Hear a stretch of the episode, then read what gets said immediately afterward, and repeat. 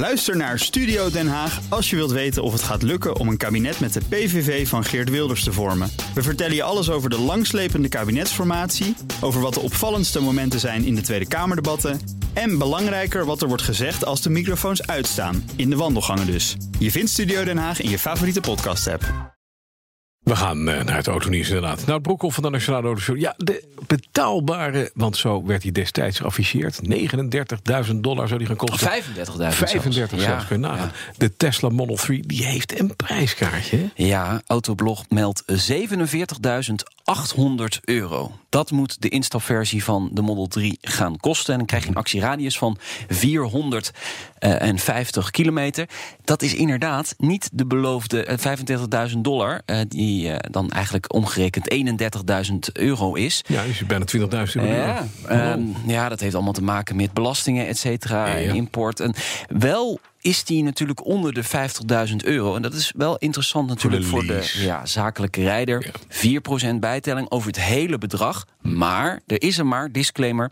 dit is een hele kale uitvoering, Bas. Dus opties aankruisen, dat eh, gaat Wordt meteen duur. Ja, dat gaat hem zeker boven de 50.000 euro eh, brengen. Maar goed, ze hebben wel woord gehouden. Hij is onder de 50.000 gebleven. En dan gaat de Nederlandse politie, ik vind het een waanzinverhaal. 1 april is het al geweest, maar mogelijk een proef doen met een vliegende auto. Inderdaad, even mogelijk. Hè, mogelijk. Ja, ja, Het verhaal staat op de website van Computerball. Het zou gaan om een eh, proef met de Palvia. Dat is die Nederlandse vliegende auto. En dat zou dan volgend jaar op de Waddeneilanden moeten gaan gebeuren... vanaf vliegbasis Leeuwarden. De politie zelf zegt op dit moment nog van niks te weten. Mhm. Eh, Volgens Palvi komt die proever echt.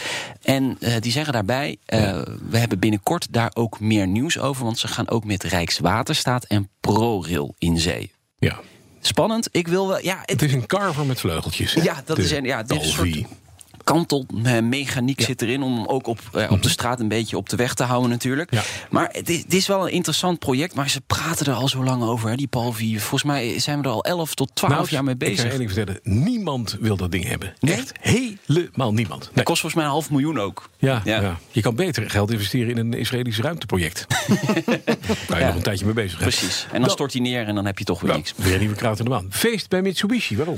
Ja, dit vind jij leuk hoor. Slingers en taart. De Want? Is Ja.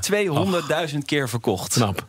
Goed hè? Waarvan 199.000 keer mensen die niets met auto's hebben, omdat die gewoon lekker goedkoop was. Precies. eh, de, de grote doorbraak was natuurlijk in Nederland. Hè, dankzij de, de lage bijtelling. Eerst 0%, toen 7%. Maar toen ging die alsnog heel erg goed. Meer dan 10.000 keer op kenteken gezet hier in Nederland. Inmiddels bij de vleet natuurlijk geëxporteerd. Want wat moet je met die auto op de tweedehandsmarkt? Niemand is geïnteresseerd in een plug-in hybride. In ieder geval ik niet. Of het nou een Palvi of een PEF heet, dat is het verhaal.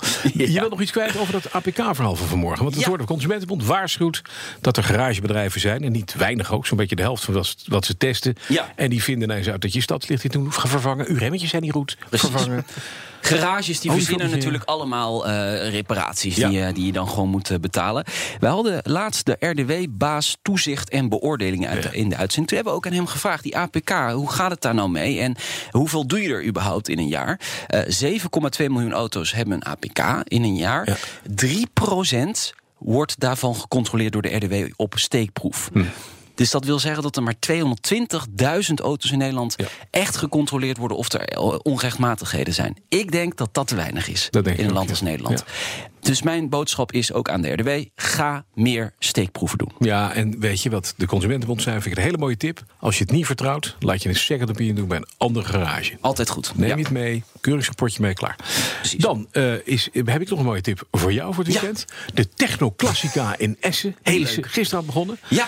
Een enorme beursvloer met alleen maar mooie auto's, onderdelen, noem maar op. En ook wrakken. Je kan er ook voor weinig kan je wat kopen. Tuurlijk. Het staat buiten op het plein. Dat voor de Hollanders wordt er buiten in open koers cadet en manta's gehandeld. Prima, moet je gaan kijken. Is gaat erheen? Leuk, ik ga erheen. Ja, straks. lekker. Ja hoor, met de auto Heel weekend. Eh, zaterdag terug. Essen, leuke stad. Nee.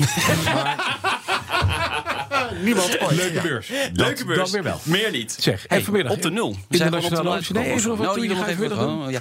We hebben de pomphouders over de alsmaar stijgende brandstofprijzen. zijn er helemaal klaar mee. De accijns is veel te hoog, je hoort het vanmiddag. En we hebben een onderzoek over de impact van de zelfrijdende auto op de mens. Onderzoek van TU Delft wordt vanmiddag bij ons gepresenteerd. La- Laten we zelf rennen ook op een mens eh, impacten. dat gaat niet goed nou. Dat kan ook. Dat, ja, dat kan Dat wel. kan zeker. Dankjewel, Nout Broekhoff. Er komen wel ongelukken van. Ook Bas van Werven vind je in de BNR-app. Ja, je kunt live naar mij en Iwan luisteren tijdens de ochtendspits. Je krijgt een melding van Breaking News. En niet alleen onze podcast Ochtendnieuws, maar alle BNR-podcasts vind je in de app. Download nu de gratis BNR-app en blijf scherp.